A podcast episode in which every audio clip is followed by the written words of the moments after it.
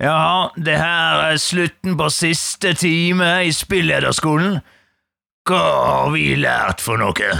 Du, Eh, meg, meg, meg, meg, meg. ja du ja, du på bakerste rad. Hva du er det for noe? Eh, til Mikael. Eh, jo, jeg har lært at eh, Total Party Kill, eller TPK, som det er forkortet med, det er dumt. Og, og, og så har jeg lært at uh, eh, en balansert rolle er bedre enn å ha full score i alle egenskaper. Og, og, og så har jeg lært at eh, det kan være litt grann, eh, nedlatende å bruke eh, aksenter eller dialekter eh, som ikke er dine egne. Det der, De første to var gode argumenter, men den siste der må du pusse litt på. Oh, ja, ok. For du vet det at det eneste du trenger, det er å leve deg skikkelig inn i rollen din. Velkommen til Regncon, motherfucker. Åh, det er så fint, jeg får lære så mye andre.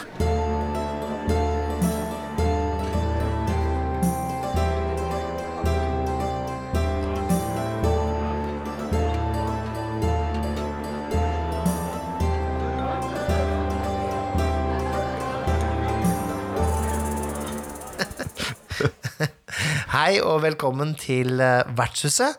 Mitt navn er Mikael Stensen Solhjell, og med meg har jeg Nikolai Krogsrud Strøm, og vi sitter jo her og koser oss her ved peisen vi da, etter å ha vært nede i regnværslandet Bergen på tur.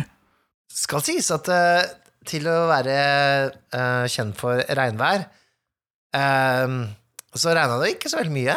Nei, det hadde bytta ut med vind mens vi, da vi var der. Ja, og jeg, det er jo litt sånn eh, Det her er jo en fun fact om meg, nesten, men jeg er jo litt redd for å fly. Eh, litt er vel kanskje heller mye Ganske middels. Litt over middels redd for å fly. Jeg, er ikke livredd, men jeg er eh, engstelig for å fly. Du klarte deg fint, men det var mye kabal på mobilen på, men, i løpet av Ja, flyturen. var, ja, det var en det, um, Går det an å spille stresskabal? At du liksom spiller bare for å liksom Ja, ikke sant? I stedet for å bite negler? Ja. Fikk, du, fikk du veldig mange, mye sympati og velmenende ord fra han du reiste sammen med, eller? Nei, det går jeg ikke. Jeg måtte på et tidspunkt si til deg du, Nå hører jeg ikke hva du sier. Jeg er for, uh, for stressa. Uh, jeg orker ikke turbulens. Det syns jeg er helt jævlig. Nei, men uh, vi kom da ned, da. Du gjorde det, Ja, på, på riktig vis. ja. Og de har flydd før, disse kapteinene. Ja, de har det. Jeg syns det var uh, riktig så fin uh, flytur, må jeg si. Og så, og så kom vi jo ned til, til Bergen, og i år så var det på mm, flyplasshotellet rett ved flyplassen der. Flesland, Scandic, Nordic, et eller annet. Yes, yes. Det er jo morsomt å skue da, på en måte rollespillmiljøet og eh, deler av cosplay-miljøet som møter litt sånn hotellkonferansefolk. Ja, det er litt gøy. Det var artig miks. Ja, det er jo det. Er jo det. Og, og um, det blir en litt sånn rar krasj som er litt sånn uh, litt sånn fish out of water experience, i mangel av norsk ord for det. Ja, Eh, der kommer det noen som skal eh, snakke om budsjettene og neste års eh, eh, tall, og så og der kommer det en ork. Ja, der kommer en Urukai. Urukai plutselig gående. Ja, Ja, det er veldig gøy. det er, bare, det er kult, det. Um, det er nytt hotell i år. I fjor så var det et annet hotell. Da var det Edvard Grieg-hotell et eller annet. Mm. I år er det da Flesland Airport. Uh, det var jo mye kortere å gå, da. Eller vi trengte jo ikke å kjøre bort eller noe sånt. ting. Det var jo bare å gå bort til eh, hotellet. Det var jo veldig nice. Ja. Veldig fint å ha, ha på eh, hotell. Altså, du bor der, og du spiller der, og du møter eh, de andre rollespillerne i gangene. Mm. Så det, det likte jeg godt, at det, det blir litt sånn folkehøyskole-vibe over det på et vis. Det er jo litt eh, Det er luksus, da. Det er jo det. Det er ålreit, det. Og så må jeg si at vi møtte jo veldig mange hyggelige folk der. Dere vet jo selv hvem dere er. Hvis dere så oss, så syns vi dere var hyggelige. Ja. Det vi. Det var jo, veldig, var jo masse kjentfolk fra rollespill.info, discorden, gamle venner, og eh, vi jo hadde jo eh, Trønderbataljonen, som vi kalte dem, eh, rundt oss en del. Det var hyggelig å møte Thea, som ba, vi bare har møtt uh, online. Mm. Thea Vik, som var med å spille i Cyborg Uh, sp- uh, vertshusspillerepisodene. Mm. Og eh, ja, diverse.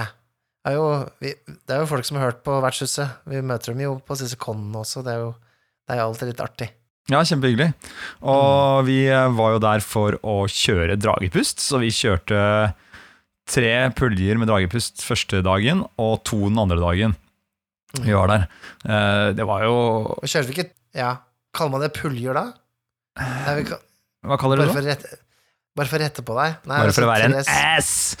Puljer er jo bare tids... eh, liksom utsnittet. Tre grupper, da, Mikael. Tre grupper første altså, dag. hæ? Her, jeg tok meg øl inn på vertshuset her. Jeg vil kose meg. Første som skjer, er at uh, bartenderen sier at jeg har ikke lov å ha med medbrakt. Og så må jeg kjøpe en øl, og så kommer jeg og setter meg her og skal kose meg med deg. Og så kommer du med Ja. Men det heter faktisk ikke pulje, det heter grupper! ja, da dro jeg så well actually på deg. Beklager. Men uh, rett skal være rett. Så vi spilte to puljer, uh, men Fem grupper. fem sessions, da. Fem Eller sessions. Ja. grupper, da. Mm. Veldig gøy å spille, spille med nye folk. Det var, jeg hadde, I had a blast, som vi sier. Ja, Kjempeartig. Ja. Um, begge spillingene mine var stor suksess, syns jeg, og, og gøy å se hvordan folk løser ting forskjellig. Så den første spillinga mi, så var det jo det meste løst med vold. Og den andre spillinga så var det meste løst med problemløsning med smarte Hva skal jeg si puslespillløsninger, da. Mm. Um, og nesten ikke noe kamp i det hele tatt. Så det er jo, det er jo festlig å se forskjellige varianter av, av hvordan folk løser ting. Da. Det, det syns jeg er gøy. Ja, og hvilke, hvilke deler av eh, modulen vår de liker å dypdykke i. Det er også morsomt å se. Ja, ja, ja. ja, det er jo ja, det er litt artig, og det er gøyalt, for det, det er jo liksom det der Hvis du skriver en modul da, som har litt sånn forskjellige elementer, altså det har både utforsking, kamp og eh, gåter, så kan man jo se hva de fester seg ved, og så kjører du litt hardere på den biten, da. Mm. Hvordan sy- hvordan syns du det fungerte da de gjorde litt annerledes system på Reincon enn andre cons? Der er det jo sånn at eh, man eh, melder seg opp til de tingene man har lyst til å spille, men man skriver 'veldig interessert', 'litt interessert' eller 'passe interessert' for eksempel, på forskjellige spill. Ja. Og så er det ingen som vet hva man havner på før det ropes opp i, i en sånn felles, eh, et sånn fellesområde. eh, Hvem som har Mhm. kommet med hvor. Og det målet til um, Målet til arrangørene er at alle som kommer dit, skal få minst ett av sine førstevalg. Ja. Som jeg syns er ganske fint. da Det, det måte det sørger for at det, du kommer ikke på con og så føler at du ikke har fått uh, spilt noe, liksom. Som du ville spille. Ja, jeg, jeg liker det mye bedre. Altså um For eksempel, nå har ikke vi hatt det problemet, men uh, la oss si vi skal arrangere noe på Arkon, da, eller på Midgarcon og så er det jo sånn at eh, ingen setter seg opp på det, ikke sant? Så da er ikke vi engang et a- a- annet valg for noen, ikke sant? Her sørger man på en måte for at alle får eh, også fylt opp spillene sine til enhver Eller til en, til en grad, da. Mm. Ikke sant? Sånn at det er ingen eh, arrangører som går og sluker øra hjem derfra heller. Så, så jeg syns det er ganske glimrende. Altså, det er jo ting å utsette på det her. Altså, det, og eh, Carlotto beskrev det vel ganske godt i sin blogg, eller så var det Boa, som også skrev om Reincon, at, den der, eh, at vi, det ble mye ventetid. Altså når det, det var en del um, knot med å, å få dette på plass rett Ja. før det skal annonseres. Så uh, ting ble litt utsatt og sånn. Og da ble ses- spillsessions litt kortere Ja, enn de hadde det er jo- ja. det er jo litt dumt. Så, altså litt sånn Men det tror jeg man kan eh, pusse på, da. eh, Mm. Gjøre enda litt mer effektivt. Men selve grunnideen her, at uh, syns jeg alle bør egentlig ta. For det mm, Det er liksom den derre Det er kaoset, la oss si at hvis en arrangør eh, avlyser, da, hvor det da skal liksom Ok, jeg, det spillet mitt ble avlyst. Hva gjør jeg da? Da må jeg bare vente, da. Mm. Sånn hadde det vært på annen con, da. ja, men så kan det bli plassert utover på noe annet. Ikke sant? Det er sånn, ja, ok, du hadde det på andrevalget ditt, ja, da får vi sikkert plass til deg der, og så bla, bla, bla, bla, bla, bla. Mm. Og så hadde de jo eh, flere rom hvor det også skjedde andre ting, så de hadde et sted hvor du kunne lage dine egne miniatyrer. blant annet, og de kunne kjempe mot hverandre. Så det var sånn et stort rom, plasterina-rom, på en måte, hvor man kunne drive med det. Statte opp de. Eh, og så var det noen som kjørte Blood on the Clock Tower, som er en sånn eh, vampire Ikke vampire, men eh, werewolf-spill, We're so close. på en måte. Ja, Secret Hitler-aktig spill. Som gikk ja et eh, sånn eh, skjult identitetsspill, ja. heter det. Og så var det brettspill og sånt som foregikk da, eh, hele veien. Mm. Så, så sånn sett så funka det bra, men selvfølgelig vi, nå kom jo vi ned med tre spilledere, da, så vi visste jo ikke om vi kom til å ha noen spillere på spillet vårt. sånn Ja, det, det var det jeg var litt sånn bekymra for. At Ja. liksom Shit. Men med det systemet her, så jeg tror alle eh, Nå vet jeg ikke om det er slik at alle disse hadde satt oss på passe interessert. Jeg tror ikke det, altså. Det, men eh, det var i hvert fall det var bra fylt opp, da. Og det var jo da ikke så mange som hadde meldt seg opp på søndagsspillinga, men eh, det ordna seg på, på slutten der, så vi fikk fylt opp eh, to bord, da. Ja, det var helt topp. Skal sies at eh, ja, nå, nå kommer vi liksom inn dit og har potensialet til å spille for 24 stykker. Det er jo ikke sånn at 24 av liksom, Hvor mange var det som var der? Ja, 100 og, 140 eller noe?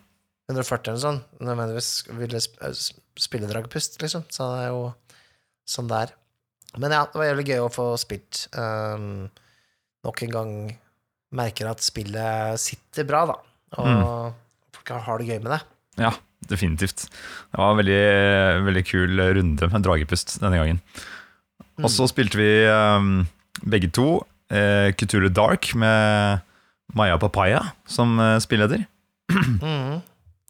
Og, og Thea, som uh, spiller også. Ja, og Renate var med. Og Renate var med, Ja. stemmer det. Mm.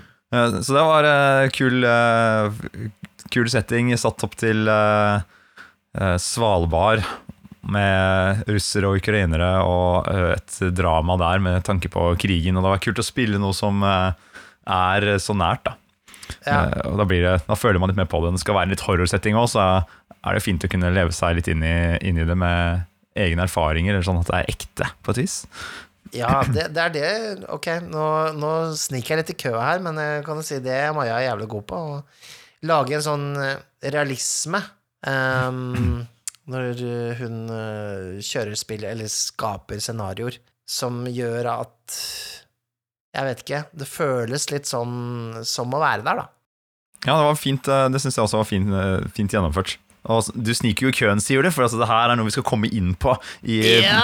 Litt senere i dette programmet. Eh, Ja. så, men eh, før, vi, før vi hopper videre fra RNK, så vil jeg si bare at eh, alle sånne spillkongresser har jo en slags eh, vibe, på et vis. Og jeg, liker eh, veldig godt eh, Reinkon-viben. Jeg gjør det. For oss blir det jo en av de mer kostbare å dra på, siden det er litt sånn fly og hotell og uh, alt sånt noe. Men, eh, men, men likevel, det er eh, det gjør, Jeg syns det gjør veldig mye for liksom, miljøet og hobbyen. At det liksom folk samles og man ser hverandre og blir litt kjent med hva som foregår av spillskaping, og man kan se disse ildsjelene rundt omkring som Ja, ja, skriver ja. ting på nett og er engasjerte, og plutselig så kan man ha en ordentlig samtale med dem, og det syns jeg er, det er helt, eh, helt topp. Så jeg håper at Reinkon eh, består i mange mange år til. De har jo allerede vært i over 30 år, så hvorfor ikke? Ja, ja. 30 til, sier jeg. 30 Minst. til, sier jeg. Ja. Nei, det var eh, Og så er det jo litt sånn der, det, det, det, det, er fint å se at det er en litt sånn familiefølelse over hele liksom, spillmiljøet da, i, eh, i Bergen, Ja. og at de er også veldig inkluderende.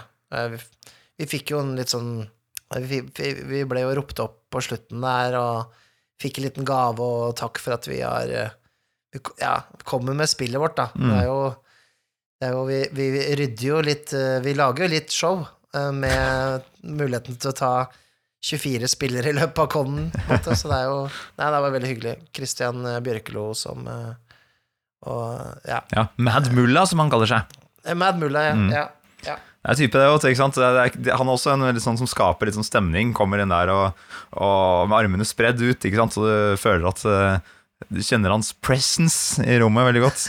Han er nok en gammel Vampire-spiller. Ja, det tror jeg nok. Presence ah, Bare bsj. Ja. Men, men eh, nå kan vi hoppe over i det, i det som er hovedtemaet her, og det er eh, hva har vi lært? Fordi altså, Vi har jo møtt nå masse folk, og vi har jo opp igjennom spilt med masse forskjellige spilledere og sånt. Og uh, det her var litt sånn jeg tenkte på etter eller som vi begge snakket om da, egentlig etter, eh, etter denne konen, at uh, det er så fint å møte andre spilledere, spille med helt andre folk og andre typer spill og sånt nå, fordi man plukker liksom opp litt her, litt der, fra forskjellige folk. Og jeg tenkte vi kunne nå bare liksom nevne litt sånn småting som vi har uh, plukka opp og putta i verktøykassa vår eh, litt sånn opp igjennom, etter vi har Mhm. spilt med litt forskjellige spilledere, da. Og du begynte jo, du snikbegynte jo litt her med, med Maja. Maja Kvenseth. Mm. Hvor du snakket om det her å, bruke denne realismen da, for å, som- et grep. Ja, altså Det er jo bare å høre på denne um, Mysteriet på Kvenvær-episodene våres. Hvordan hun på en måte maner fram på en veldig sånn rolig måte. Ikke, hun har jo ikke den der, hva skal jeg si, den typiske skrekk-stemmen, ikke sant? Og, og, og når det skjer noe skrekkelig, så er det på en måte litt sånn derre å, shit, det skjer, det skjer noe, liksom. Du, du får litt den der uro, en fin sånn eh, fin, fin måte å eh, gjøre det på, da. Som, jeg, som, som for meg, kanskje, som er litt sånn mer animert i måten jeg forklarer ting på, eh, på en måte ikke nødvendigvis har tenkt på som en del av verktøyskassa, da. Ikke sant? Mm. Den der å, å, komme med en grusom detalj, men si det på en måte som ikke er sånn Å, det ligger et hode i enden av gangen! ikke sant? Og det ligger et hode i enden av gangen. Ja. ja, ikke sant? Det det blir verre på et vis, fordi det er sånn Hæ, hva? Du bryter Hva, hva sa Ja. du nå? Hva, hva skjedde?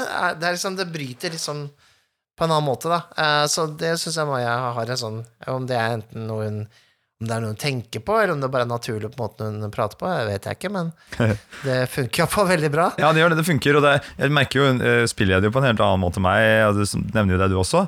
Så det, det, er sånn, det er en sånn ting jeg bare merker meg at bare, ok, det er, et, eh, det er et kult grep. Jeg vet ikke om jeg klarer å bruke det som spilleder, men vi snakka litt med henne om horror, og det å spillede horror, og vi snakka litt også med Kristine Vean om det, men eh, jeg lærte i hvert fall Jeg plukka veldig opp det hun sa om hvordan man kunne bygge opp horror etter vi Mm. spilte på eh, Etter vi spilte på Reinkon. Og det, det er sånn Det plukka jeg med meg, bare det putter jeg i verktøykassa. Fordi det var det, det er så godt å vite når man skal begynne å skrive om horror, eller skrive et skummelt scenario. Da. Og det hun mm. sa, var liksom at eh, jo, det bygger opp horror på den måten her. Først så er, det- må du få til et happy place, et, et eller annet som er normalt. Noe som er sånn Ok, dette kjenner jeg, her kan jeg kose meg. Og så må du ta det og putte inn litt eh, det hun kalte for creep, altså småting som er sånn Oi, det var rart.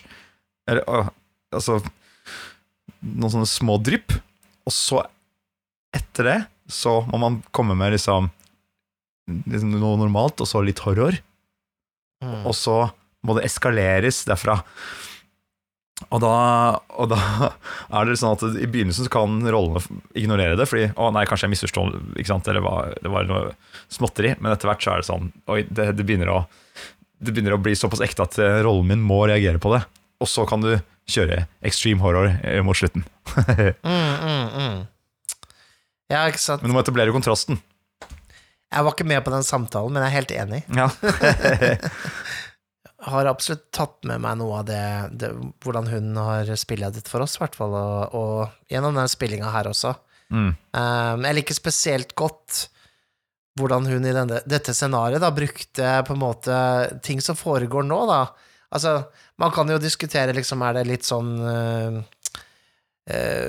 insensitiv, på en måte, i mangel av et norsk ord? Uh, ufølsomt, heter det Mm.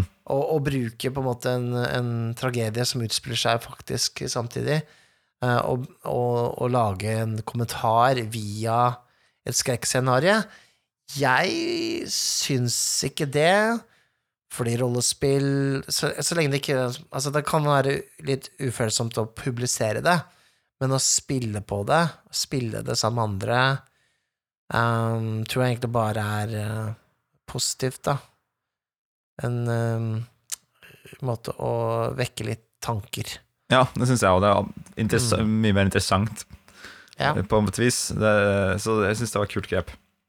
Jeg kan jo nevne en, eh, en ting jeg har putta i verktøykassa fra noen, eh, noen andre spilledere. Vi har jo spilt eh, med Kåre Berg da vi spilte um, Gudebarnet.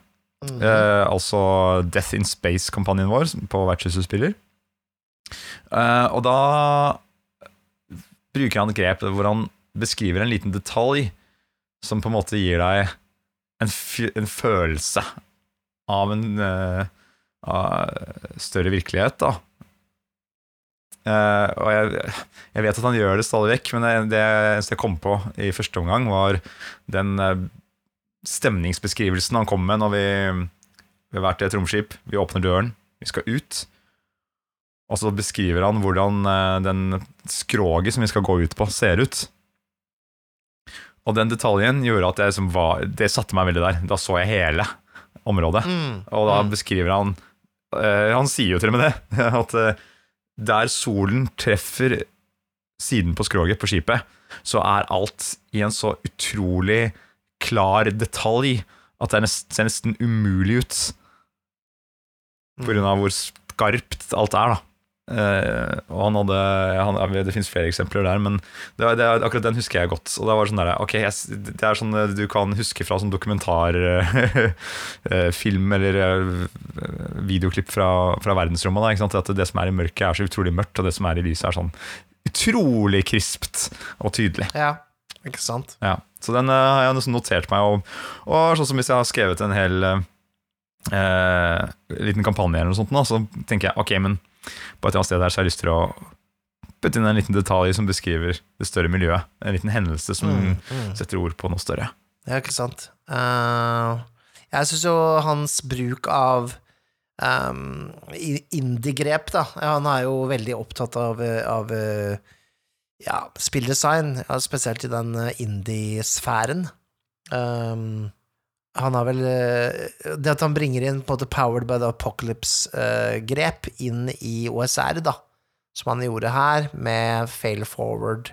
Når vi feila et kast, så blir vi heller satt inn i dilemma. Sånn derre Ønsker du å miste armen, eller ønsker du å miste foten?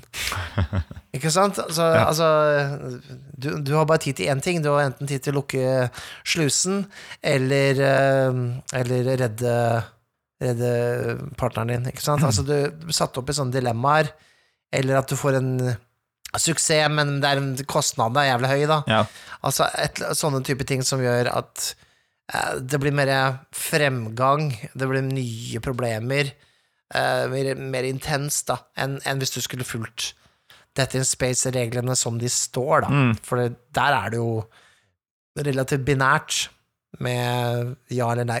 mm. Enten lykkes du, eller så gjør du ikke det. Det var kritter òg, da, men jeg vet ikke om det teller. ja det er også en fin, fin ting å putte i kassa. Veldig fin, og den er, den er jo litt sånn veldig universell, da. Det kan brukes i alle spill, egentlig. Så det er jo en ting man bare, bare kan ha i den evige, evige kassa. Evige verktøyskassa, egentlig. Ja. ja. Jeg har en, lyst til å putte inn en annen her. Jeg vet ikke om du har spilt noe med Gaute Reman Gunnleiksrud? Nei, jeg har så vidt hilst på han en gang, Ja. Eh, men jeg vet, han, jeg vet hvem han er. Ja, og jeg husker, det her, husker jeg ikke helt om han var spilleder på den sessionen akkurat den gangen heller, men jeg lærte noe av han likevel. Og det er at eh, en liten prop, eller en liten greie ved bordet, kan ha ganske stor effekt. Eh, og kan heve, Et sånt lite element kan heve spilleopplevelsen ditt. da Mm. eh, Mer enn kanskje innsatsen skulle tilsi. Ja. Fordi vi spilte hos han en gang, og så hadde han printet opp eh, med en 3D-printer eh, litt sånn, Vi skulle inn i et tårn, så han hadde bare fått tak i tegningen av det tårnet, og så bare printa opp uh, etasjene, sånn grovt sett, og laget noen små miniatyrer, liksom litt mindre enn vanlige miniatyrer, da, som kunne passe sånn at man kunne se hvor man var i dette tårnet og sånt. Mm. Så bare, ok, jeg bare slenger det utover bordet, tut, tut, tut, liksom. Så bare, ah, det liksom gjorde at vi var litt mer der, da. Og så I tillegg så hadde han gjort en annen liten greie. Han liker jo å jobbe med litt sånn eh, dioder og litt sånn tech-greier. Så han hadde lagd en sånn liten dampmaskin, da. Som tok litt vann og lagde sånn psj, damp utover bordet, sånn at det ble litt sånn tåke, liksom. Så Kult. de der små, helt uh, generiske figurene som sto på den der ganske rå layouten av um, av et tårn. Det ble liksom så kult. Det så så episk ut med den røyken som la seg rundt i og sånt. Det var, ble sånn at vi, vi var jo liksom inne i skallekinoen og spilte det ut der, men de der småtingene gjorde at det, liksom, det hevet spilleopplevelsen. da. Og, og det å på en måte legge noe litt på bordet og finne fram et eller annet til noe som eh, kan, nei, spillerne kan få i hendene under spilling, det, det syns jeg liksom Ja, det, jeg synes det hever spillet nesten hver gang. Så denne, denne furusoppen som vi, som vi hadde med oss Ja. til Bergen, var det en uh, Gaute-inspirert ting? Eh, altså, det er ikke direkte i- sånn sett, men på en måte, jeg tror det å se det Ja, men kan, du kan jo si det sånn, da. At det å se noen bruke props på den måten satt, Mm. La det verktøyet i kassa, som gjør at nå senere eh, kanskje har det litt mer friskt, eller har det klart for meg at det skal, det skal inn. Jeg vil gjerne ha det med. Eh, Litt, kon litt kontekst til lytterne som ikke var med å spille, så, så lagde Nikolai eh, Eller han kjøpte tre sånne metallsopper et eller annet sted på en hobbybutikk. Ja. Og spraylakka dem og litt sånne ting, og de hadde vi med oss gjennom flykontrollen. Du var litt redd for sånn at du skulle bli stoppa, Mikael. Det er, sånn, det er vanskelig å forklare hva det er, da. Det ligger liksom inni en bylt sammen med noe greier og sånne ting, så det var liksom Ja, Surra det inn i maskinen og greier. Ja. All right. Ja, gutta smugler jernsopp til eh, Bergen. Altså, ja, ja. Ja, De er så harde i Bergen at de kan ikke ha vanlig sopp der, må ha jernsopp. Mm. Ja. Ja, vi har jo spilt eh, med Øyvind Stengrunn også. Shout-out til eh, Han har nettopp hatt bursdag, hvis ikke jeg tar feil. Gratulerer med dagen som var. Ja. Eh, skaperen av Vandrerne, og det var jo Vandrerne vi spilte med han. Han synes jeg var jo veldig flink til å improvisere uten at jeg la merke til det. Og det er jo en sånn ting som Vi, vi snakka jo om improvisasjon i det var det to episoder siden, eller? Jeg Mm. mener det er to episoder siden. Da nevnte vi det sikkert da òg. Jeg nevnte det også, men jeg tror jeg kan eh, på en måte eh, spissformulere det lite grann, er at det å Som spiller, da Det å oppleve at spillederen har stålkontroll, eh, det har en viss effekt, på en måte, på spillerne. At vi føler vi er i en veletablert verden. Mm. Men hvorvidt det er improvisert eller ikke, det er jo egentlig litt sånn ehm, likegyldig, så lenge vi føler at det ikke er improvisert der og da. Så det er det forskjell Øyvind Stengrun er ikke sånn som uh, når han Når han forklarer noe, så er det som om det liksom Det, det alltid har vært sånn, da. Ja, Og det det er selvsagt. Sånn er det jo. Sånn er det jo. Ja. Um, så, så, så poenget mitt var det at hvis du som spilleder uh, får spørsmålet Hva heter bartenderen, da? Og du sier sånn «Øh, øh, øh, Lars. Så, så har man på en måte Ikke at det nødvendigvis er negativt, men som en sånn immersjonist som meg selv, da, som liker å leve meg inn i en verden og på en måte være veldig i rolle og alt det der, Mm. så kan jeg bryte litt med min måte, innlevelse, da. Ehm, men det skjedde ikke med Øyvind. Da var det liksom Han hadde kanskje en liste med navn som han allerede har skrevet ut, så han kunne si navnet med en gang uten at jeg la merke til at det var improvisert, eller uh, Og måten han beskrev omgivelsene på, var veldig Hva skal jeg si Virket å være veldig en del av et, av et kart, da. Uh, så, så um, Det lærte jeg litt av han, Mm. føler jeg, da. Veldig god flyt, rett og slett. Ja, ikke sant? Så han stoler på improvisasjonsferdighetene. Ja, Mm. ja sånn, det er litt sånn der jeg, jeg ehm, Det er sånn film Det er sånn film. Altså, du vet det er masse filmtriks, men det er den derre suspension of disbelief-greiene som foregår, ikke sant? Mm. At uh, når du ikke ser filmtriksene, eller, eller liksom, hvordan det lages, så, så tror du på det mer. Ja, det er fint. Enda, et, eh, enda en tang å putte i kassa. Mm. Ja. Jeg har en fra da vi har hatt eh, Simen Stangeland eh, som spilleder. En av eh, våre dragefyrstekumpaner som er med å skrive Dragepust. altså det er jo at eh, å gjøre litt innsats på research i forkant kan ha stor effekt med tanke på å fremstille en verden som liksom er virkelig sånn solid og virkelig og måte du, du føler at her er det mye kjøtt på beinet. Mm. Uh, og det å flette det inn, uh, den researchen flette det inn på en diskré måte, liksom uten å opplyse om det mens man spiller, det gjør at man får en skikkelig følelse av at her er det et eh, solid oppdrag vi skal ut på, og uh, du er mer, enda mer inn i spillet pga. at denne researchen ligger der i bunnen. Ja. Mm. Jeg gjør jo det nå. Jeg jo har veldig lyst til å spille dette Pirate Borg-spillet, så jeg, nå har jeg sett dokumentarer, sett dokumentarer om The Golden Age of Pirating på YouTube og sånne ting, sånn bare for å Jeg mener sånn Jeg elsker piratting, men um, det er på en måte det der å, å vite hvorfor det skjedde, og uh, på en måte hvordan verden var. Hva, hva var det som førte til at folk ble pirater, da, ikke sant, og alt det der. Så det, det det der eh, når- du da spiller et spill, så er det jo mye lettere å komme med litt sånn drypp av historisk sannhet. Ja. Um, ikke sant? Så, så det blir litt mer troverdig, da. Selv om det ikke trenger å være så troverdig. Ja, nei, men, Borg, nei, men- akkurat det, men, men de småtingene gjør at det, det føles mer ekte. Ja. Men er det fordi du nylig har vært i Bergen, eller? At det var mye skarring, så da tenkte du bare Arr, arr, arr. Nei, det var ikke derfor. Okay. Nei, det er bare den boka den skrek til skrek 'Kjøp meg! Kjøp meg!' Ja, nei, men Det kan jeg innrømme sjøl. Den, eh, når jeg så den eh, dukke opp, så måtte jeg trykke kjøp, for å si det sånn. Så den eh, Ja. står i hylla her, den òg. Pirate Borg. Ja, fantastisk. det, er, det er, er det skriveglede på høyt nivå, den boka der. Ja. Jeg spilte en, en oneshot, det ble vel en, en firedelt oneshot, da, med en uh, Det er ikke en- one shot, ass, i min bok. En Nei, det er jo ikke det. Altså, ja, men det var, det var ett eventyr, da, med delt over kanskje fire spillinger, da. Ja. Um, med en spilleder som heter Esteban. Ja. Um, jeg tror kanskje du hadde han som spiller på Reinkon? Ja, nei, på um, Arkon. Ja. På Arkon var det, Arkon, ja. Ja, ok. Mm. Ja, ikke sant.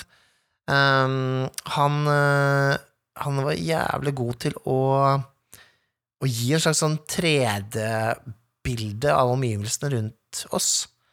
Sånn at det var litt sånn Det lærte jeg litt av han. Jeg vet ikke om jeg plukka opp egentlig teknikken hans, men jeg, jeg opplevde få selv at det var veldig lett å forstå hvor jeg var hen, uten noe kart eller noen Mm. ting som det der. At han hele tiden opplyste om hvor ting var, Mm. um, og kanskje avstander til ting. Ehm, det, det har jeg prøvd å flette inn mer, da, eh, i min skallekinobaserte eh, rollespillstil. Ja, Det er ikke en lett oppgave, det kan være ganske utfordrende. Så det å, å Det det. Måtte, klare å finne noen teknikker der, det, det, kan være veldig, det kan være veldig lurt og godt for spillerne også, han spilleder som plasserer deg Jeg tror det liksom litt, handler litt om å Ikke sant, som spilleder så, så er jo du en spiller også, og det å bruke like mye tid på å liksom fantasere, eller holde det i fantasien, da, hvordan ting ser ut, samtidig som du på en måte kommuniserer det til spillerne, uh, istedenfor å bare ha tallknusing i hodet, da. Det er jo, det er jo der problemet ligger ofte. Uh, denne litt dobbeltrollen der. Mm. Men så lenge du har på en måte kapasitet til å frigjøre plass til å faktisk forestille seg hvordan ting ser ut, da, samtidig som spillerne holder på, så, så kan man gjøre det. Og det, det har jeg prøvd, da. Prøvd å, å bli bedre på. Det må være målebåndet det da, i verktøykassa. Det er målebåndet, ja. Tommestokken, liksom. ja. Og vateret. Jo, vateret. jeg. Må jo nevne, Vi har jo spilt med Ole Peder Jæver også, som har, eh, er en av skaperne av Itras by, sammen med Martin Bull Gudmundsen. Eh, Og Ole Peder, han på en måte føler jeg Det jeg har plukket opp fra han, er det at rollespill behøver ikke å være begrenset av de statistikkene og de tallene og alt det som den pakka som er i det spillet. Du kan uh, ha med deg en improvisasjonsteatertankegang inn inn i spillet. Om samme hvilket spill det egentlig er, og, og det kan fungere veldig bra med å ha historien i førersetet. Mm. Og på en måte ja, skrelle litt vekk alt rotet, sånn sett, og være der som rolle. Og tenke improvisasjon og, og moro. jeg, jeg, Ole Peder for meg er litt sånn der Han er han inspirerende fyr i seg sjøl, altså bare som spillskaper og, og personlighet. Det er ikke det, er ikke det. Men, men, men, også liksom hele det miljøet som skapte seg rundt uh, Ole Peder, Matheis Holter, uh, Magnus Jacobsson, Håken Lied Altså hele den gjengen som var en del av rollespill.net i sin tid, som um, på en måte skapte den litt sånn Skal vi kalle det en slags sånn golden era av, av uh, norske rollespill, som Itras by er en del av. Um, så, så, så, lærte jeg vel litt uh, at Altså, eksempelvis, da, så husker jeg at når Draug kom ut, så var jeg sånn derre Hvorfor er det ikke noen skadetabeller her, da? Og jeg var litt sånn muggen for at det ikke var liksom det jeg forventer, da, som en DOD-er eller var vil ikke terninger heller, tenker jeg?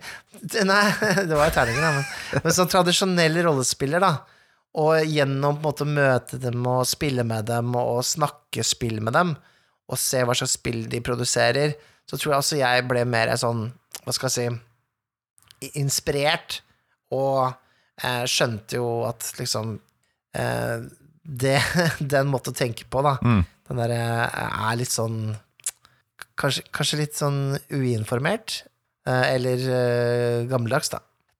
Egentlig, poenget her er at snakk om spill, gå på forum, spill med andre, lagspill, alt det der, summa summarum, You'll get better. Yeah, expand your horizon, man. ja.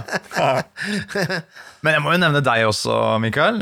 Det er flere ting jeg har plukka opp fra deg, men jeg tror jeg skal trekke fram én ting for å, oi, oi, oi. For å liksom bare kjøre en laserstråle inn i vertshuset her. Eh, og det du er veldig god på, som jeg skal eh, notere meg litt ekstra, putte opp i kassa mi, det er at eh, du ikke nøler med å la rollenes handlinger få ganske tydelige konsekvenser.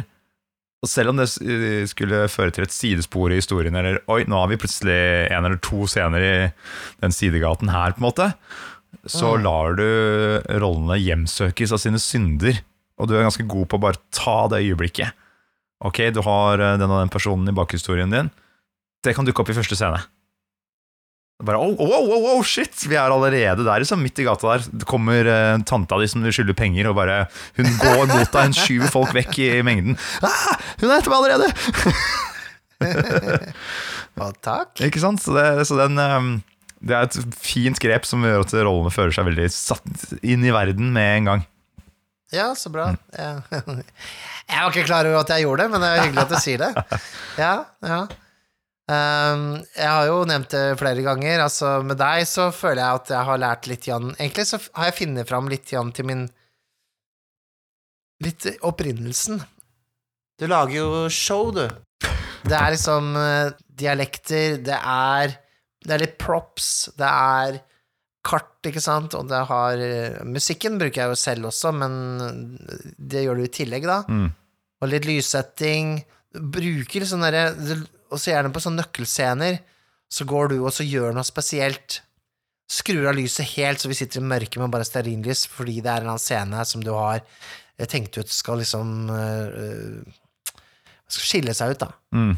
Eller at når vi måtte spille på eh, musikkinstrumenter, ekte musikkinstrumenter, for å liksom overbevise Skal være et Ta over for et band, da. Ja. Ikke sant? Altså Det der at det er noe en, Du kan godt si en gimmick, men men uh, jeg vil tenke heller at det er en måte en sånn uh, måte å løfte fram en spilling på uh, som noe eget, da. Husker du da dette skjedde? Mm. Altså, det blir veldig lett at det blir veldig sånn minneverdig, da, uansett, ikke sant? og det er du god på. Og um, ja, du er generelt god, du, er jævlig god. Å, takk, nå ble jeg, men, men, ble jeg flau og rau om kjaken. Nei, men jeg tenker jo spesielt på det at du, du er god på å, å, å lage, lage, et event da, som føles som, eh, som noe, noe, annet enn å bare slenge seg ned på sofaen og spille litt, liksom. Altså, det, er, det er liksom motsatt av liksom casual, selv om det er en casual stemning. Ja, men det, er- det er så kult at du har plukka opp det, for det er jo litt målet med spillingene. Uh, Det funker veldig bra. Mm. Ja, men Det er så kult. Ja, men det er bra at vi kan lære litt av hverandre også, Mikael. Absolutt. Jeg vil også nevne at uh, om man ikke spiller med andre nødvendigvis, så finnes det jo youtubere også som, uh, som snakker mye om rollespill, og kanskje spiller rollespill også, og man kan se på. Og vi har jo plukka opp litt begge to fra youtubere her og der også. Blant annet fra Ja. han som kaller seg Professor Dungeon Master, som har eh, Hva heter det igjen? Eh, Dungeon Craft. Dungeon Craft, ja. Ja. Han er Eh, god. Han er god, han, setter opp, han prøver å sette opp eventyrene sine på én side. Så alt er på én side. Han slipper å flippe gjennom ting. Mm. Og, og lager gjerne flytskjema uh, for eh, hvor rollene skal kunne gå i løpet av denne spillingen, og sånt, da, sånn at det er oversiktlig. På en måte Ok, her er eh, byen, her er steder de kan gå til. De stedene, de to stedene fører dit, det stedet, det stedet fører dit. Til slutt så kommer alle hit, eller hva det nå er for noe. da. Eh, sånn at du har oversikt, og du trenger ikke å være distrahert som spilleder. I tillegg så har han, eh, bruker han noe som han kaller for ultimate dungeon terrain.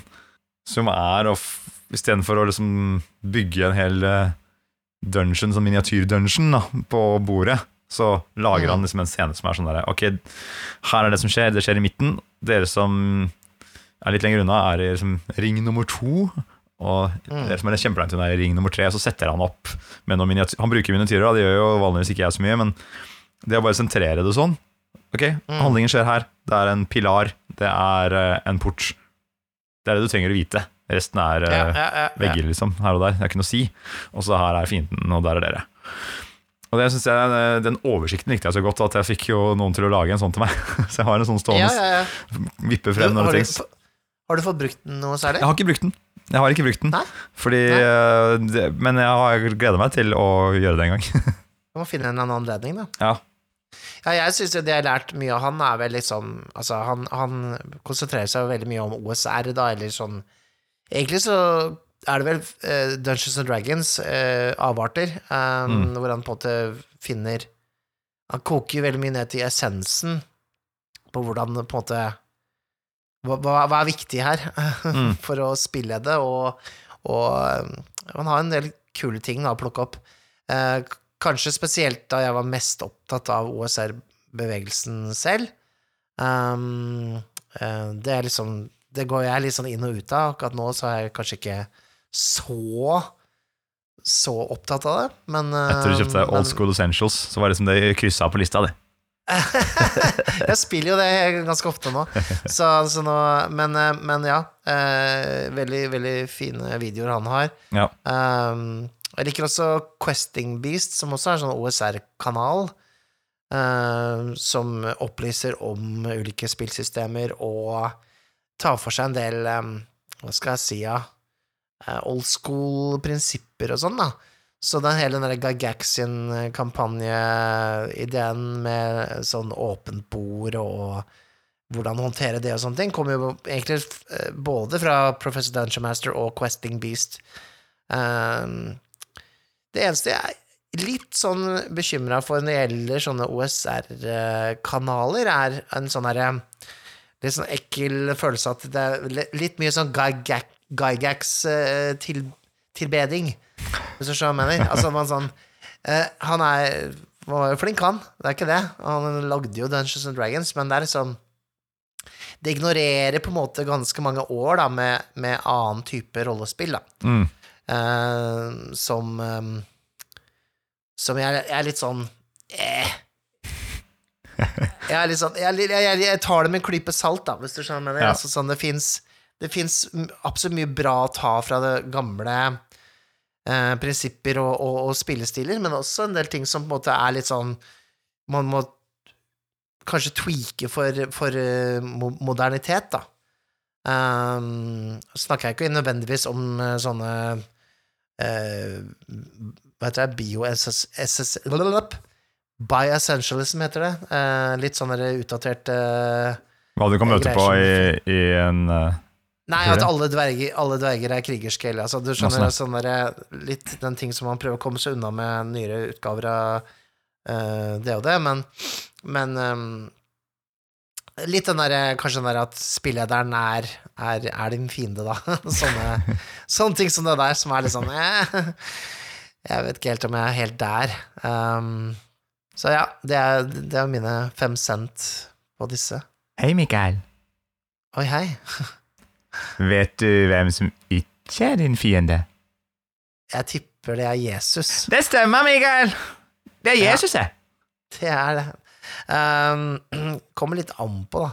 Um, nei, jeg, jeg skal ikke eh, dra så mye lenger på det, egentlig. Um, men og, uh, hva med Jesus? Hva med Jesus? Ja. Hva med Jesus? Jeg er veldig på hva har han Har han noe med denne papirhusen du holder, å gjøre? Jesus har noe med adelt å gjøre, Mikael. Adelt. Nice. Du flirer og ler, Mikael. Jeg gjør det. Vil du ha papirrusen? Jeg tar den gjerne. Ja. Først skal jeg synge en sang, jeg. Ah, Ok, greit.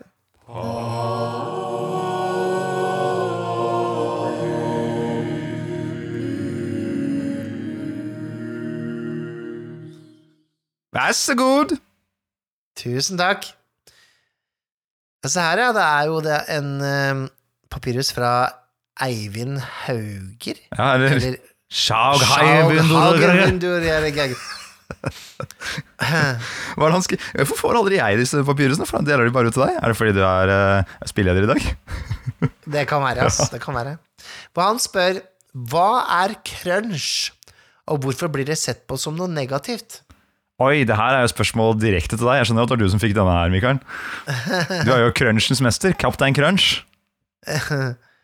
Ja vel, altså, jeg er jo ikke det, men eh, crunch, ja. Eh, eller crunch. Hva er det? Hva er det vi snakker om her, da?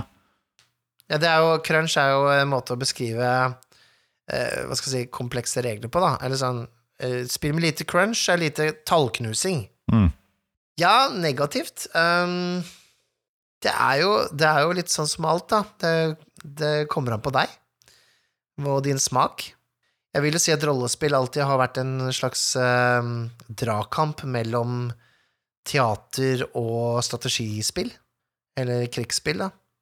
Altså hvor, hvor på den ene siden har du denne tallknusingen, denne crunchen, den eh, regne ut avstander, eh, rekyl på våpen, eller eh, hvor mye en, et spyd gjør skade på en platerustning kontra et sverd, da. Altså sånn type detaljrikdom som det der, som på en måte må, må regnes ut, da, hvis det er regler for det Mm. mot det å improvisere fram dialog, leve seg inn i eh, på en måte den i nuet, da. Ja, Eh, ok.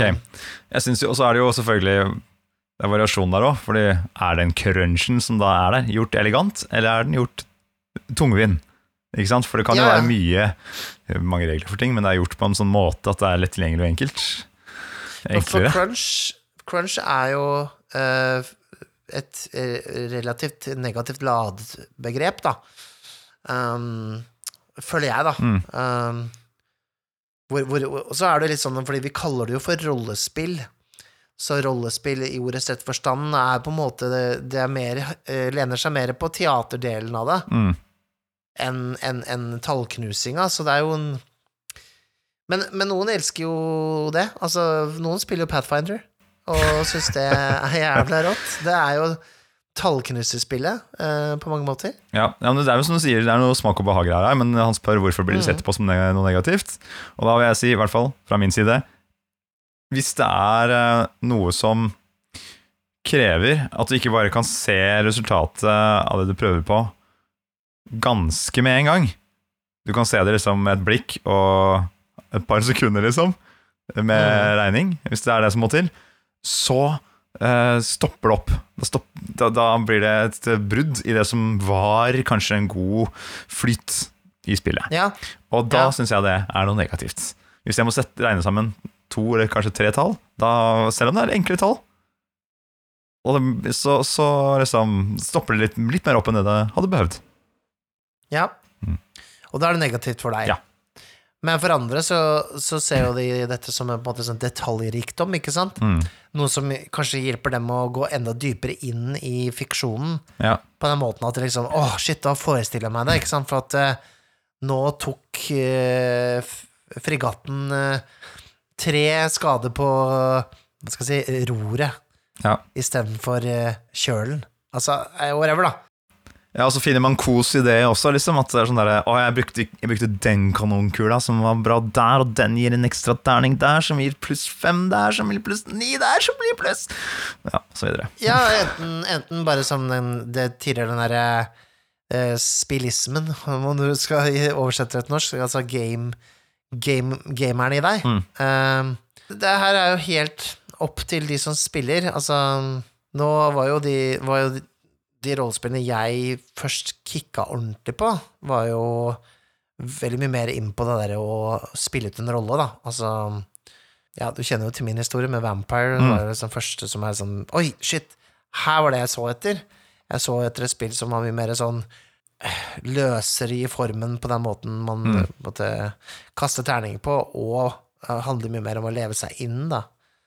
Uh, hvor jeg følte at DOD, iallfall fra rødboka og, og basic DOD, da, var mye mer sånn, ja, hva skal jeg si, teknisk, da. Ja. Teknisk eh, måte å spille på, som egentlig ikke var så inspirerende for meg. Men det var det eneste jeg visste om. da. Nettopp. Derfor negativt. Ja, ja, ja, ja, ja. ja altså Ja, jo, jo, jo, jo jeg syns egentlig crunch sånn generelt sett er negativt for de spillene jeg har lyst til å spille. Boom! Ferdig snakka. Sleng den papyrusen i peisen. Men jeg kan pris Jeg kan også sette pris på det, uh, til dels. Altså, jeg syns det kan være gøy å lære seg et spill uh, når det butter litt imot. Litt sånn som eh, da jeg fant ut at jeg skulle bli verdens beste i Advanced Dungeons and Dragons Second Edition, så er det sånn Det er jo ting der som er sånn Å, gud, hvorfor er det så tungvint? La oss prøve oss på dette her. Se om man klarer å få det inn i skallen. Selvflagulering kalles det der, Mikael. Ja, det er vel litt Kan du gå ned til munkene og holde på med den der? Så, det, så det, har, det har noe verdi, da. Ja, Nok om det. Kanskje. Jeg sier uh, sleng den i peisen og trykk på den røde knappen. jeg. Fun fact om oss, fun fact om oss. Har du hatt det gøy, eller har du bare slåss? Der var det en sang Ja, det var fin. som har en melodi. Ja, hvem skal gå først i dag, Mikael? Det er vel nesten alltid deg, så jeg kan begynne. All right, kjør. Jeg er jo en eh, artist. Først og fremst en artist. Nei da. Men jo, eh, på, da jeg var yngre, eh, rundt 15 eh, Altså på 90-tallet så hadde man jo altså, veldig mange som var Ikke veldig mange, men noen var heldige å ha videokamera. Mm -hmm. og det hadde min familie. Så jeg har jo lagd filmer også. Er det noe du ikke har gjort, Mikael? Det vet jeg ikke. Det er vel noe igjen på bucketlisten. Men vi lagde da um, en film Og vi var jo veldig opptatt av splatterfilmer og skrekkfilmer på den tida der. Eh, vi lagde en film som eh, het De dødes skog. Oi, oi, oi, du kom ikke fram til kjernen engang. Døde i skauen. Nei, Døde i skauen her. Sterkt inspirert av eh, Evil Dead-filmen. Ah. Én og to. mhm. Um, hvor vi da Hvordan var dette her, da? Jo, vi Vi filma det vel over en litt lang tid, tror jeg. Mm. Fordi vi, vi måtte liksom um, Noe var filma da i Hobergskogen, da, som er i nærheten. Eh, og så var det filma litt igjen på en hytte, da, som, eh, som eh, han ene eh, tror jeg eide? Jeg er ikke sikker. Eller lånte en hytte eller noe sånt, så vi hadde noen hyttescener også, da. Eh, den ble ikke lenger enn ti minutter lang, men den hadde jo egne praktiske effekter av avkappa hender, eh, sprutende blod Ja, og blod i munnen. Det var gøy, for det var en sånn elgbiff eller noe sånt som, hadde sånn, eh, som, som hadde litt ekstra blod, som vi brukte da til å, til å Og den, den, den tror jeg ikke hadde blitt eh, eh, satt i kjøleskapet. Så den hadde begynt å bli litt sånn luktende litt rart og smakene litt rart. Men eh, Bjørn eh, var en helt og tok det i munnen og, og spruta blod, da. Eh, den fikk jeg da klippet da på Video Øst, som var eh, Oi, proft. Fabelaktiv. Wow, wow, wow. Eller, hva heter det? Fabelaktig? Nei, hva heter det? Kykelikokos? Oh, ja. Det var det der samme studio. ja. Eh, men fordi eh, Mikael, da, som en annen Mikael, eh, han var programleder for Nysgjerrigperiskopet, Mhm. så han hadde tilgang til, til ordentlig klippeutstyr. Wow. Er det sånn at eh, de som vandrer rundt oss på vertshuset her, kan få se denne filmen her, eller, Mikael? Nei, dessverre, fordi Ah, som fattig ungdom så hadde vi ikke kjøpt noen nye videokassetter å få dette over på. Så jeg brukte en eh, VHS hvor jeg hadde spilt inn massevis av X-Files-episoder om, om igjen. Altså sånn Den var virkelig slitt ut, da. Å nei. Så når vi liksom fikk over masteren på den her, så fikk vi jo sett filmen ferdig liksom sikkert kanskje fem ganger, eller jeg vet ikke hvor lenge det var, ja. Før den teipen ble slukt av videomaskinen, da. Åh. Så da, da er det bare en myte igjen, da. Oh. I Ti, ti, ti minutter med herlig kortfilm, Uh, Det døde skog. Men uh, vi var veldig, veldig fornøyde over den, da. Um, og det ble jo flere filmer. Uh, blant annet Mognå-diamantene. og Vi hadde en sånn krigsfilm på gang. Vi hadde Ja, for Mognå- Mognå-diamantene var litt sånn avansert, da. Det husker jeg. Med, med sånn ordentlig plott og sånn. Litt sånn eh, eventyrfilm. Ja. Indiana, Indiana Jones-style. Jeg tror ikke mange kan kjenne seg igjen. Jeg har lagd noen ganske episke filmer eh, i sånn type videregående skoletiden. Eh, Det er litt Ja, med det igjen ja, der, vi ja. òg. Ja, så hadde vi sånn gangsterfilm vi holdt på å lage òg. Ja, ja. Ja, men De døde skog, vi kan bare se det for oss. Da snakka vi engelsk. Kan du tro hvor kleint det var, eller? Fy faen.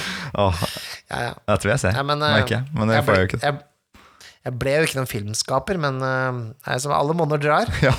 De kreative. Ja, hva er det jeg har da? Skal vi se. Fun fact om meg. Jeg kan jo si det var, en ting, det var en rar ting å bli rørt av, kan jeg komme med. Ja. Fordi eh, på en måte ungdomstiden vil jeg si at jeg var kanskje en ganske blasert type så, som fyr. Men etter å ha hatt livsopplevelser og fått noen unge og sånne ting, så, så har det jo endra seg. Uansett, jeg skulle lage en sånn um, cyberdeck, som er sånn hacker-verktøy til dere, når dere skulle spille Cyborg hos meg, minikampanje. Og som en del av den hackerdekken så hadde jeg klart å få tak i en gammel Walkman. Som eh, skulle da være den som tar imot hackerkassettene som dere kan putte inn. Og hackerkassettene er på en måte magien i dette spillet da, som man bruker til å hacke verden, omverdenen med. Men så tenkte jeg det var gøy å sjekke om denne kassettspilleren funker, så jeg fant noen headphones et eller annet sted og fikk plugga i denne kassettspilleren, fikk i batterier og sånt, og satte i en random kassett. Plugger i. Setter meg ned med denne cyberdekken oppe på studioet vårt her oppe i tredje etasje hjemme.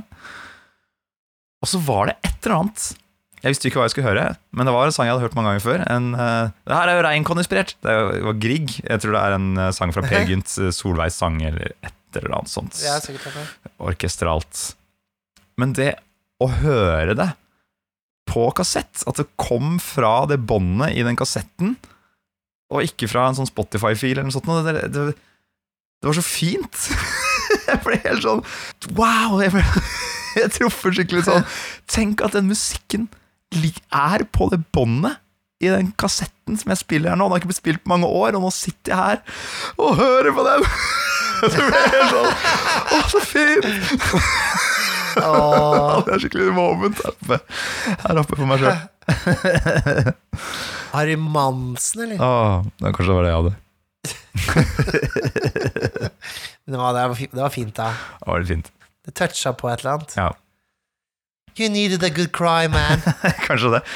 Nei, nå må jeg manne litt opp her. Men eh, det fins jo det, finnes, det ser ut som det er rulla inn et eller annet som det går an å være skikkelig barsk rundt. Hva er det som står der borte? Det var litt snodig, da. Det ser jo Det ser jo ut som noen som kommer rett fra en piratfilm. Ja, er det, ikke, det er en kanon, men det er et eller annet rart med den. Ja, det er det. Sånn Ser den på oss? Hæ, kan den se på oss? Nei, den ruller jo mot oss, ja. Mikael! Å, helvete! Mikael, Det er jo det er jo Det er jo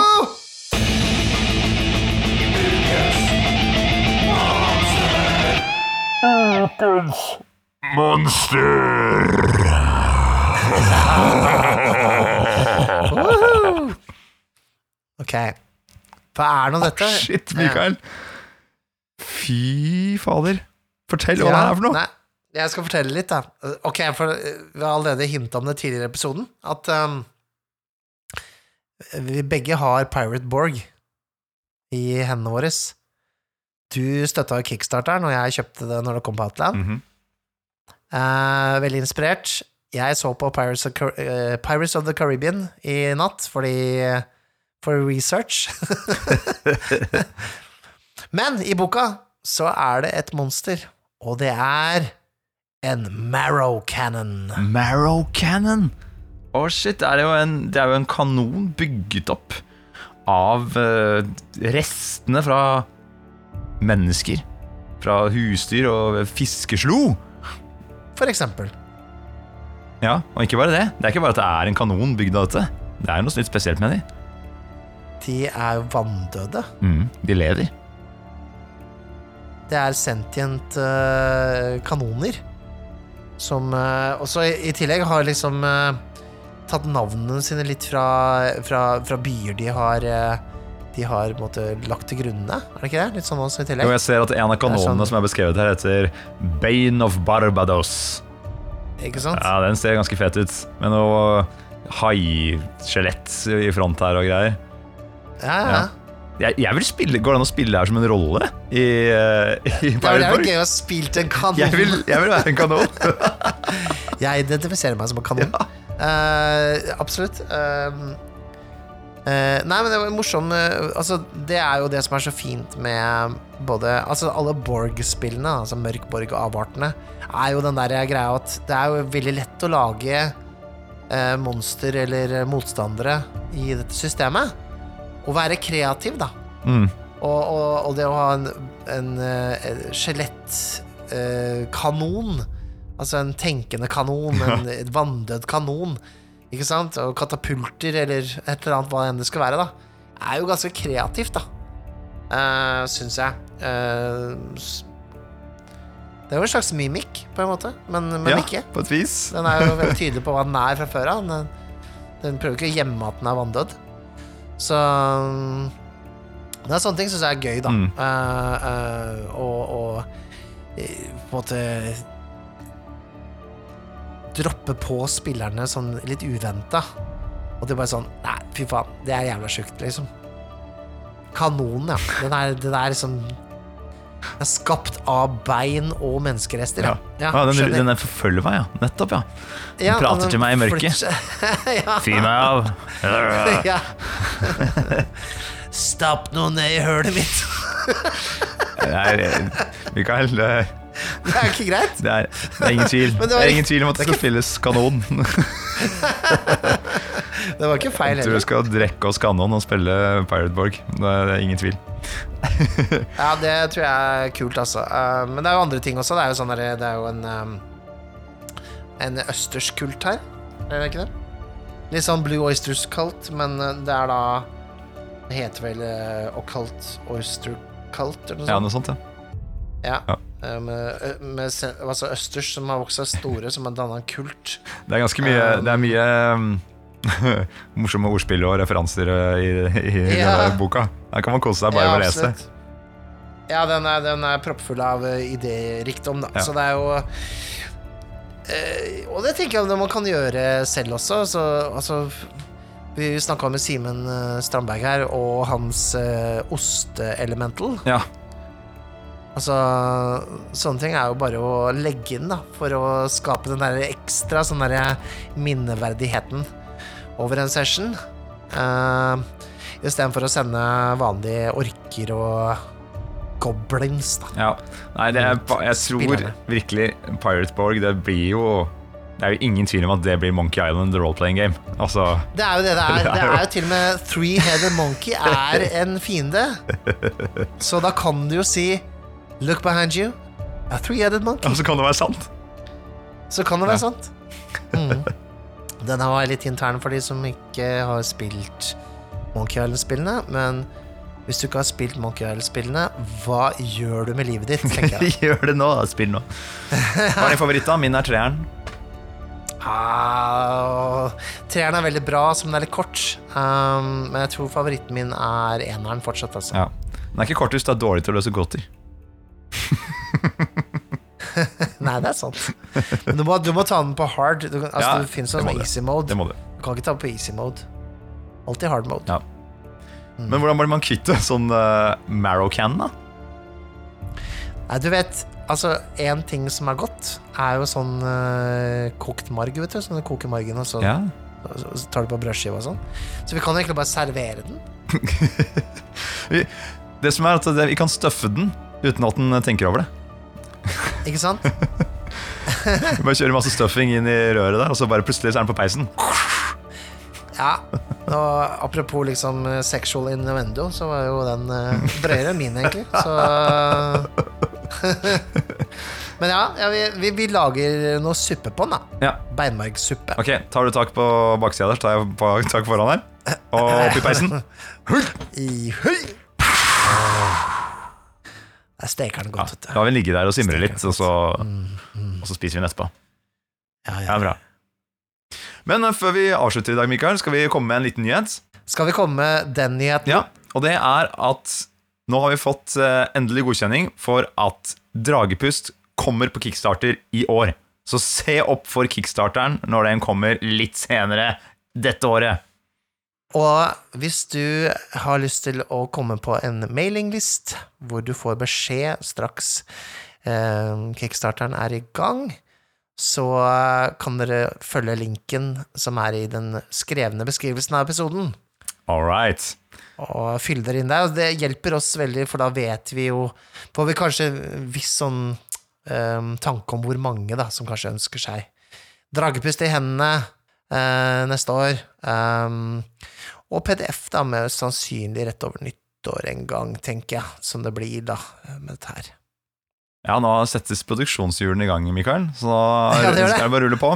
Vi skal gjøre vårt for at dette skal bli eh, Komme folk i hende fort, så fort som mulig. Men eh, da Ja. nå, nå skjer det. Nå har det vært nok prat. Nok prat, Ja. Mikael. Nok dilldall, nå er det faktisk i gang her. Ikke noe kjære mor eller kjære far. Jeg så til og med, til og med Roland ble nervøs når han så til liksom, Oi, det blir noe av, ja. Faderen, han som bare Ja. spiller eh, spill fra Fria Ligaen. Ja. Han, han, han står der og knuger på sine drakar og demoner. Han gjør det. Og, og bare Nei, for faen. Det er bare å Ja, gjemme seg. er redd for konkurransen. Ja. Noe mer du har lyst til å si, Mikael, før vi ber Roland eh, gjøre sin, eh, sitt beste borte ved pianoet der? Nei, jo- du vet, dere kjenner jo eh, regla. Det er jo eh, Vi har jo en Patrion. Kjenner regla? Er dette måten du setter fyr og flamme i sjela til folk på? Nei, men jeg er ikke noe god til å selge inn ting.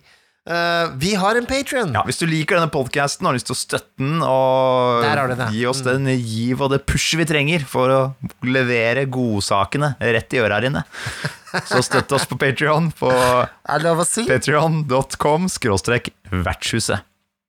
Stemmer.